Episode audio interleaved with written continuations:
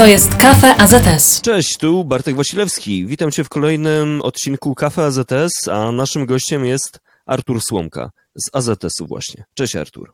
Cześć, dzień dobry. Cześć, dzień dobry. Mm, Będziemy rozmawiać na temat, a w zasadzie już rozmawiamy na temat siatkówki, jednego z naszych narodowych sportów, śmiem powiedzieć. Zgodzisz się z tą tezą?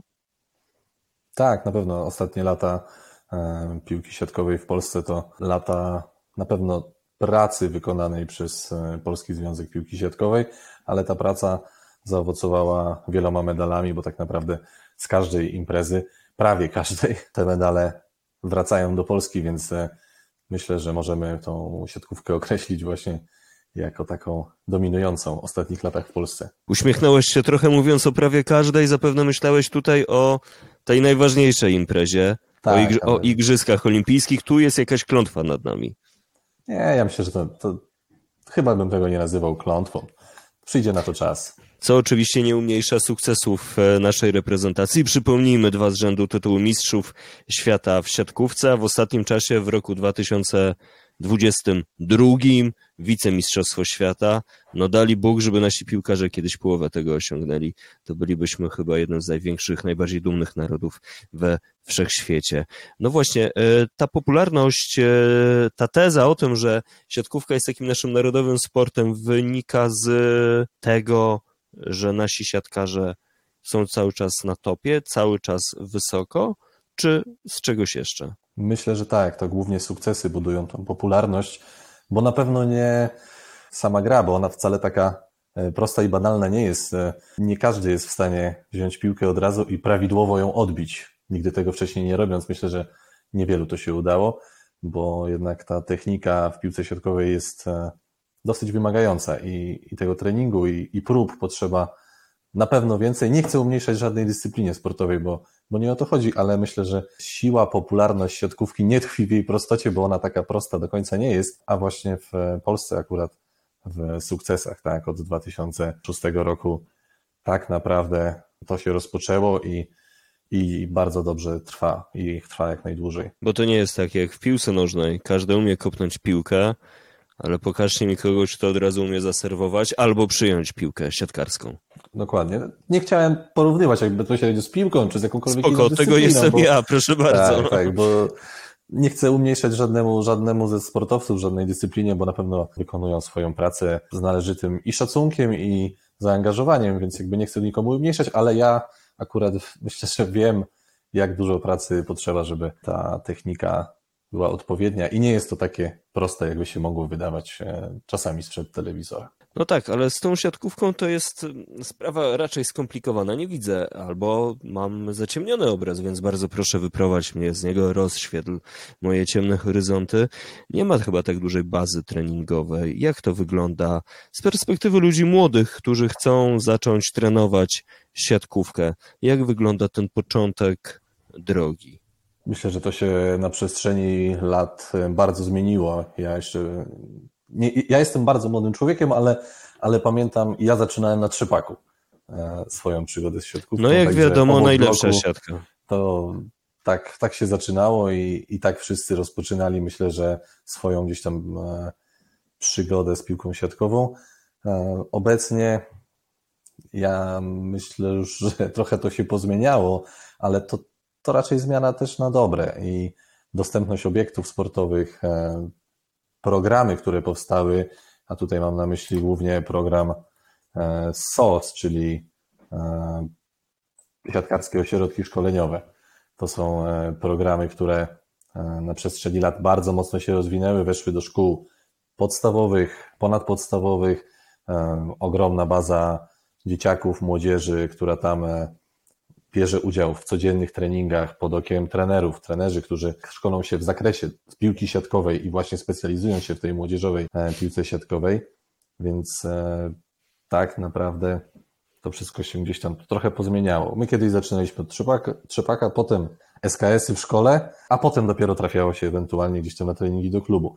Teraz e, ta droga jest myślę, że trochę krótsza, ale to na pewno buduje możliwość dotarcia do jeszcze większej grupy młodych chłopaków, tak żeby te kluby młodzieżowe miały jak największe pole wyboru i dotarcia do, do młodych, młodych chłopaków, dziewcząt, bo to też oczywiście chodzi o, o zawodniczki. Oczywiście, że tak. Przyłączamy się do tego stwierdzenia. Przyłączam. Nie wiem dlaczego powiedziałem o sobie w liczbie mnogiej, ale zostawmy to na boku. To piękną oś czasu przed chwilą zarysowałeś e, w mojej głowie. Trzepak, SKS, treningi klubowe, no i chyba na samym końcu najnowszy, najnowszy wpis na tejże osi czasu już e, nasza era. Władze AZS-u i PZPS-u podpisały porozumienie w sprawie stworzenia rozgrywek Akademickiej Młodzieżowej Ligi Siatkówki. Co to takiego? Tak, e, prezesi AZS-u oraz Polskiego Związku Piłki Siatkowej złożyli podpisy pod takim porozumieniem. Jest to projekt, który to muszę oddać i przyznać na pewno, bo narodził się w głowach naszych kolegów z Polskiego Związku Piłki Siatkowej, którzy e, szukali rozwiązania, myślę, że tak, tak mogę to powiedzieć, przedłużenia e, procesu szkoleniowego właśnie zawodników, którzy e, są objęci szkoleniem w SOS-ach, kończą szkołę licealną, ponadpodstawową i brakuje takiego kolejnego etapu w momencie, kiedy zawodnicy trafiają na studia, a nie wszyscy od razu zostają zawodowymi sportowcami, nie wszyscy trafiają do Plus Ligi, nie wszyscy trafiają do pierwszej ligi, czyli takiego, nazwijmy to, poziomu zawodowego. Więc e, projekt Akademickiej Młodzieżowej Ligi Siatkówki właśnie skierowany do młodych zawodników, zawodniczek, którzy chcieliby kontynuować swoją przygodę z siatkówką, ale Możliwe, że poszukują również pomocy, możliwości rozpoczęcia nauki na studiach e, i chcą wejść właśnie w ten program dwutorowej e, ścieżki kariery sportowca, kontynuować zarówno grę, jak i rozpocząć naukę na studiach. Stąd też e, ten projekt właśnie skierowany do tej grupy młodych, młodych osób. W tym roku wystartowaliśmy sezon zero w innej formule, po pucharowej, Akademicki Młodzieżowy Puchar Polski, cztery turnieje eliminacyjne w czterech miastach to już za nami, a przed nami turniej finałowy. Nie wiem, kiedy będziemy publikować naszą rozmowę, ale, ale na dzień dzisiejszy jeszcze przed nami finał. To podajmy datę, to w takim razie nasi słuchacze też będą mogli uczestniczyć w tej osi czasu, w której się poruszamy. Podcasty mają to do siebie, że niestety duża część treści potrafi się zdezaktualizować, zwłaszcza gdy rozmawia się o sporcie. No trudno, powiedzmy kiedy. 28-29 stycznia w Lublinie. Tam się spotykamy z najlepszymi e, zespołami z eliminacji i cztery zespoły męskie, cztery zespoły żeńskie będą walczyć o złote medale tegorocznego Akademickiego Młodzieżowego Pucharu Polski. Jak oceniasz poziom rozgrywek? Jak oceniasz poziom siatkarskich umiejętności, tego co reprezentują zawodniki i zawodniczki? Powiem tak. E, dało się w pewnych drużynach zauważyć, że były to drużyny stworzone pod kątem tego turnieju. Myślę, że naszym celem będzie to, aby drużyny właśnie były w procesie szkolenia. Tak, aby to nie było tylko skrzyknięcie się pod jedno wydarzenie, ale jednak e, proces, który będzie trwał. Tak naprawdę w tej formule będzie to szansa na rozwój dla uczestników, zawodników, zawodniczek. Wracając, odpowiadając na Twoje pytanie, jeżeli chodzi o poziom, był w mojej opinii dosyć zróżnicowany. Były zespoły, które potrafiły swoje mecze wygrać bardzo wysoko i prezentowały poziom, myślę, że drugiej ligi. Niektórzy zawodnicy na pewno w tej drugiej lidze grają i może teraz trochę w innych zestawieniach, co w siatkówce nie jest wcale, jest, nie jest bez znaczenia, bo jednak e, ten trening, wspólny trening e, robi dużą różnicę i, mm, i na pewno jeżeli te zespoły miałyby szansę pracy wspólnej e, w dłuższej perspektywie, to ten poziom byłby jeszcze wyższy, ale mam nadzieję, że turniej finałowy w Lublinie i pokaże zawodników z najlepszej perspektywy na jak najwyższym poziomie i żeby te mecze były wyrównane, bo to myślę, że dla wszystkich oglądających i nas jako organizatorów też będzie jeszcze ciekawsze i, i zachęcało do pracy takie mecze. A jakie wsparcie jest potrzebne tym rozgrywkom? Czego Wam jeszcze brakuje, czego Wam potrzeba? Jesteśmy pewnie jeszcze na samym początku. Jakby takie projekty potrzebują czasu. Na pewno potrzebują czasu, żeby trochę dojrzeć. Musimy my na pewno po tym pierwszym sezonie skupić się na jego ocenie wadach, zaletach, zagrożeniach, szansach, tak żeby wykorzystać ten pierwszy sezon zero na przyszłość jak najlepiej. Przed nami jeszcze spotkanie z trenerami, którzy też na pewno odpowiedzą na wiele pytań, zwrócą uwagę na to, na czym im też zależy, bo oczywiście my z trenerami rozmawialiśmy wcześniej, ten projekt też nie wziął się znikąd, ale właśnie z rozmów z trenerami tak naprawdę e, tutaj e, w osobach e, Krzysztofa Felczaka, dyrektora pionu szkolenia Polskiego Związku Piłki Siatkowej. On tych rozmów przeprowadził na pewno najwięcej i, i tą wiedzę ma ogromną. Więc czego nam potrzeba? Myślę, że wejścia do świadomości zawodników, zawodniczek i trenerów, że jest to wartościowy projekt, produkt, bo o taki walczymy, żeby był na jak najwyższym poziomie organizacyjnym.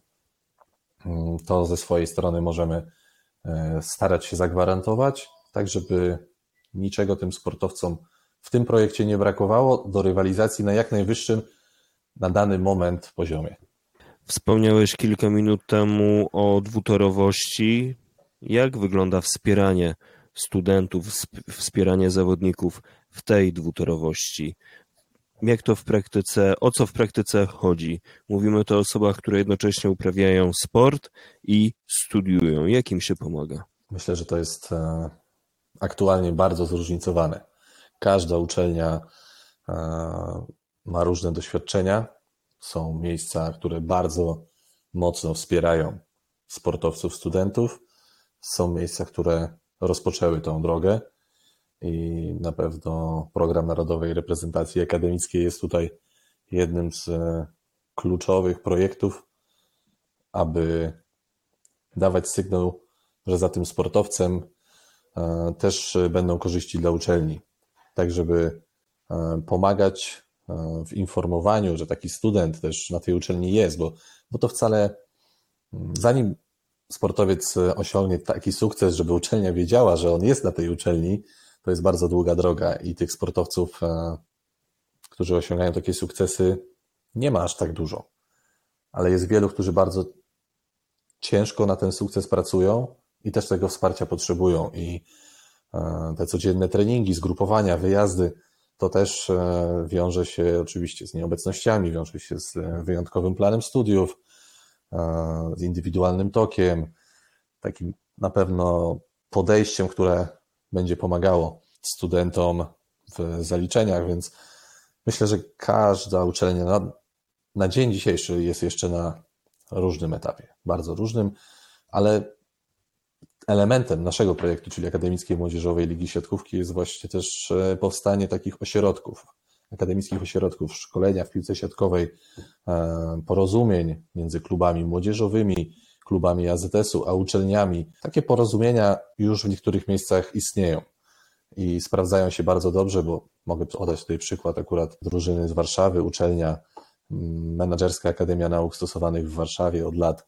e, wspiera zawodników Mozwala Warszawa, którzy rywalizują w drugiej lidze piłki siatkowej, rywalizują w rozgrywkach akademickich i studiują właśnie w dawnym WSM-ie, obecnie Menadżerskiej Akademii Nauk stosowanych, więc e, takie porozumienia już są, ale nam zależy, żeby one były w jeszcze większej liczbie miejsc. Czyli uczycie uczelnię. Myślę, Jak że pomagać? To już e, to bardzo duże słowo. Myślę, że my nie musimy jakby uczyć uczelni, my po prostu staramy się pomóc sportowcom. Rozumiem. A jaka jest w tym wszystkim Twoja rola? Ja otrzymałem zadanie tutaj akurat z ramienia AZS-u koordynacji rozgrywek Akademickiej Młodzieżowej Ligi Siatkówki, która w tym sezonie tak jak już wspomniałem, w formie pucharu, więc e, tym przez ostatnie tygodnie, już chyba miesiące, powoli zajmowałem się w głównej mierze. A jak ta dwutorowość, bo chyba ona też e, miała miejsce w Twoim przypadku, gdy Ty byłeś studentem, przypomnijmy, a w zasadzie poinformujmy, jesteś absolwentem SGGW, dietetyka oraz zarządzanie, tak się nazywał kierunek który ukończyłeś. Najpierw jeden, potem drugi, tak, tak. Tak, jest... tak, tak, a jednocześnie grałeś w siatkówkę. Jak u Ciebie to Znaczy, powiem tak, ja grałem na poziomie akademickim, więc y, tutaj jego tej dwutorowości nie trzeba było jakby o nią zabiegać tak naprawdę, bo to już było takie, bym powiedział, amatorskie granie. E, ja na studiach e, zająłem się właśnie raczej już e, skupiłem się bardziej na prowadzeniu klubu. Byłem też prezesem wtedy klubu AZS-u na SGGW, więc to gdzieś tam pochłaniało mój, mój czas wolny, ale łączyłem to właśnie ze studiami i taką przyjemną akademicką grą, ale tak jak mówię, to już był poziom, poziom amatorski. No ale teraz jesteś trenerem. Tak, tak. To no, taka chyba naturalna kolej rzeczy nastąpiła. Na pewno mnie to interesowało i e, trudno się rozstać ze sportem, jak się jest z nim związanym już od, e, od wielu lat, a, na pewno piłka siatkowa jest taką dyscypliną, która dla mnie jest bardzo istotna i, i to sama przyjemność tak naprawdę e, móc przyjść na trening, jeszcze trochę poodbijać, podzielić się. Mam nadzieję, że jakąś wiedzą coś przekazać młodszym kolegom, koleżankom teraz też. To był Kafe AZS. Naszym gościem był Artur Słomka z AZS-u. Dzięki wielkie Artur. Dziękuję bardzo. Do usłyszenia, do zobaczenia. To wszystko na dziś. Nasze podcasty są do usłyszenia na stronach AZS-u, na YouTubie AZS-u, a także we wszystkich wiodących serwisach streamingowych.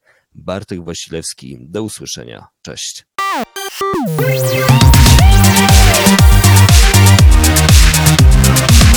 To jest Kafe AZS.